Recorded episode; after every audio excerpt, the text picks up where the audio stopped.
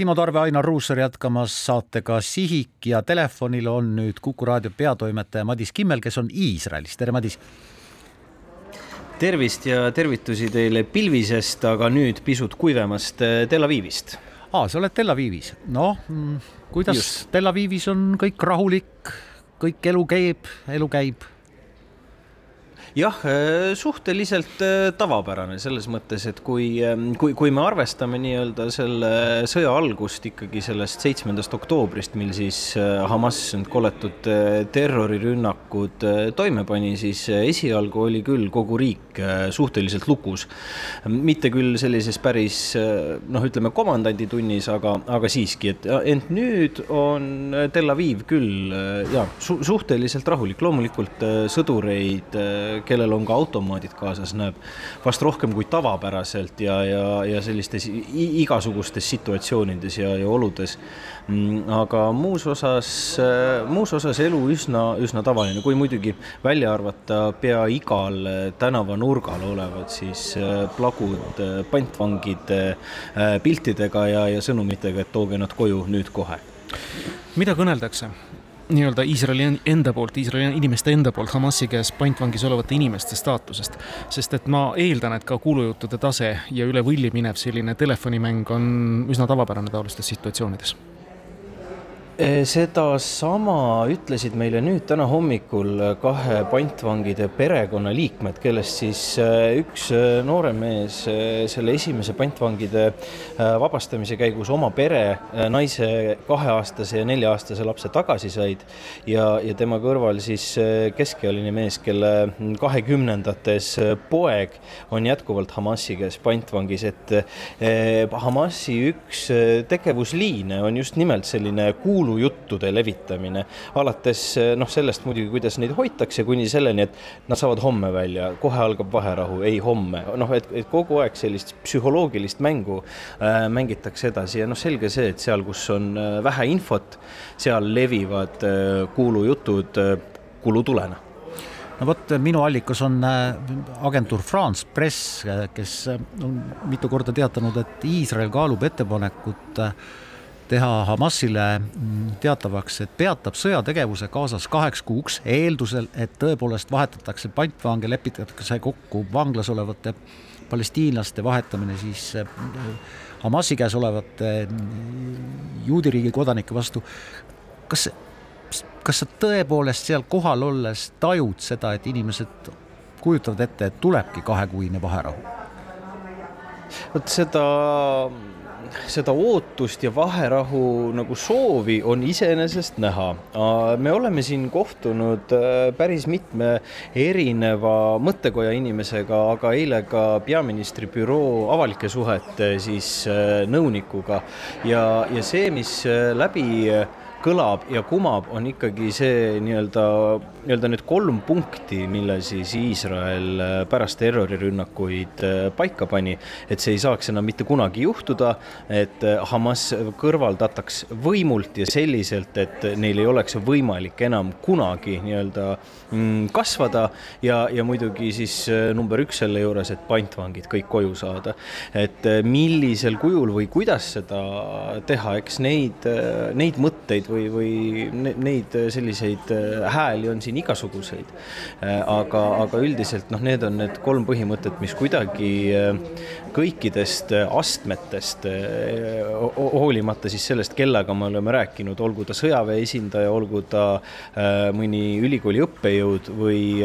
või, või ametnik või hoopis nii-öelda kõrvalseisja või selles mõttes tavakodanik ilma erilise positsioonita, et need on ikkagi niisugused põhimõtted, mis tunduvad tunduvad olevat äh, läbi ühiskonna hästi selgelt nagu kokku lepitud äh, ja, ja millest äh, väga, väga selgelt ka kinni peetakse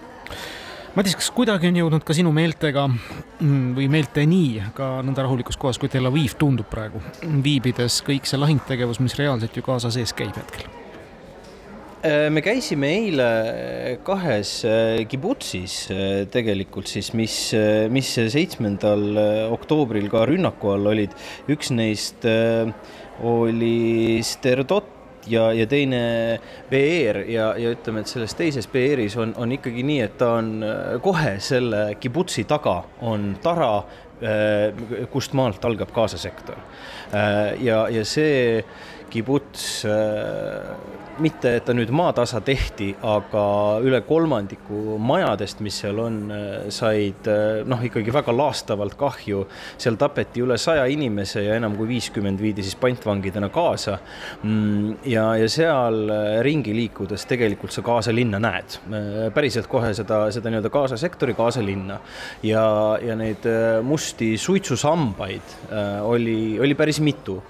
lisaks veel droonid taevas, kaks või, või suisa kolm, mida me nägime äh,, hävitajad ja, ja ütleme, et kusagil väga meie ligidal, noh, ma arvan, mõnesaja meetri kaugusel töötas äh,, töötas ka suurtükk äh,, mis ilmselgelt meie nii-öelda külastuse ajal oli saanud siis sellise tulemissiooni, et äh, täpselt iga kolmekümne sekundi järelt kuulsid seda väljaminevat äh, tuld.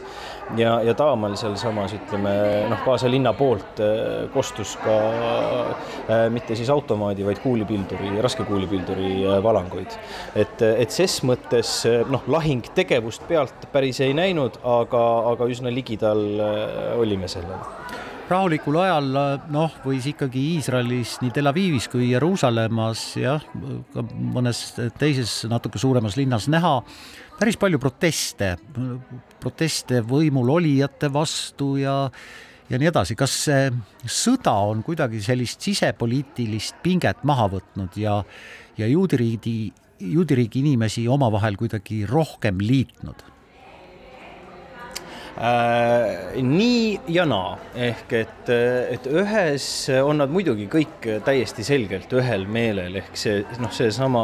küsimus, et Iisrael tegutseb äh, praegu selle nimel, et alles jääda, üleüldse püsima jääda, et, et selline asi ei saaks korduda äh,. muidugi on, on selliseid noh, poliitilisi hõõrdumisi jätkuvalt tunda ja tajuda, et ka mitmed äh, inimesed, kellega me siin oleme nii-öelda kõrvalt rääkinud äh,, noh, just kord noh, to toovad välja asjaolu, et kibutsid on ju üldiselt äärmiselt või noh, väga sellised äh, vasakpoolsed ja, ja et selles samas Beeri kibutsis äh, elasid inimesed, kes töötasid noh, nii-öelda siis kõvasti rahu nimel, sõidutasid palestiinlasi Gaza vahet ja, ja, ja juhtisid mitut rahuorganisatsiooni ja noh, ei, ei miskit. et, et seda on, on näha, aga samas jah, ütleme, et selliseid noh, proteste, nagu sa nimetad, neid neid on tõesti praegu näha ainult sellekohaseid, et, et tooge, tooge meie inimesed koju ja, ja seda, seda on näha Madis, räägi lõpetuseks ka, mis asjaoludel sina ja, ja ka teised kolleegid üleüldse Iisraeli sattusid ja mis on võõrustajate eesmärk olnud? Äh, võõrustajate eesmärk ongi siis olnud just äh, näidata seda seitsmenda oktoobri äh, ja, ja ka järgnevate päevade, ütleme siis veretöide kutsuja on Ameerika Juudi komitee või assotsiatsioon. Ja, ja ajakirjanikke on siis peale minu Eestist veel Evelin Kaldoja ja Euroopa ajakirjanikke nii Poolast, Leedust, Saksamaalt, Prantsusmaalt, Itaaliast ja, ja mujaltki, aga eesmärk just täpselt seesama, et nii-öelda päriselt siis ajakirjanikke viia nende kohtadesse, kohtade peale, kus, kus need veretööd äh, toime pandi ja et meil oleks võimalus ka päriselt nii-öelda vahetult äh, tunnistajatega kohtuda. Ja, ja tegelikult just nüüd üks pool tundi tagasi äh, lõppes siis see neljakümne viie minutilise video vaatamine, mis on sellest päevast kokku pandud turvakaamerate, politsei, aga peamiselt ohvrite ja Hamasi siis keha küljes olnud kaamerate salvestustest. Suur tänu sulle selle intervjuu eest, Kuku peatoimetaja Madis Kimmel ja jätkuvalt edu Iisraelis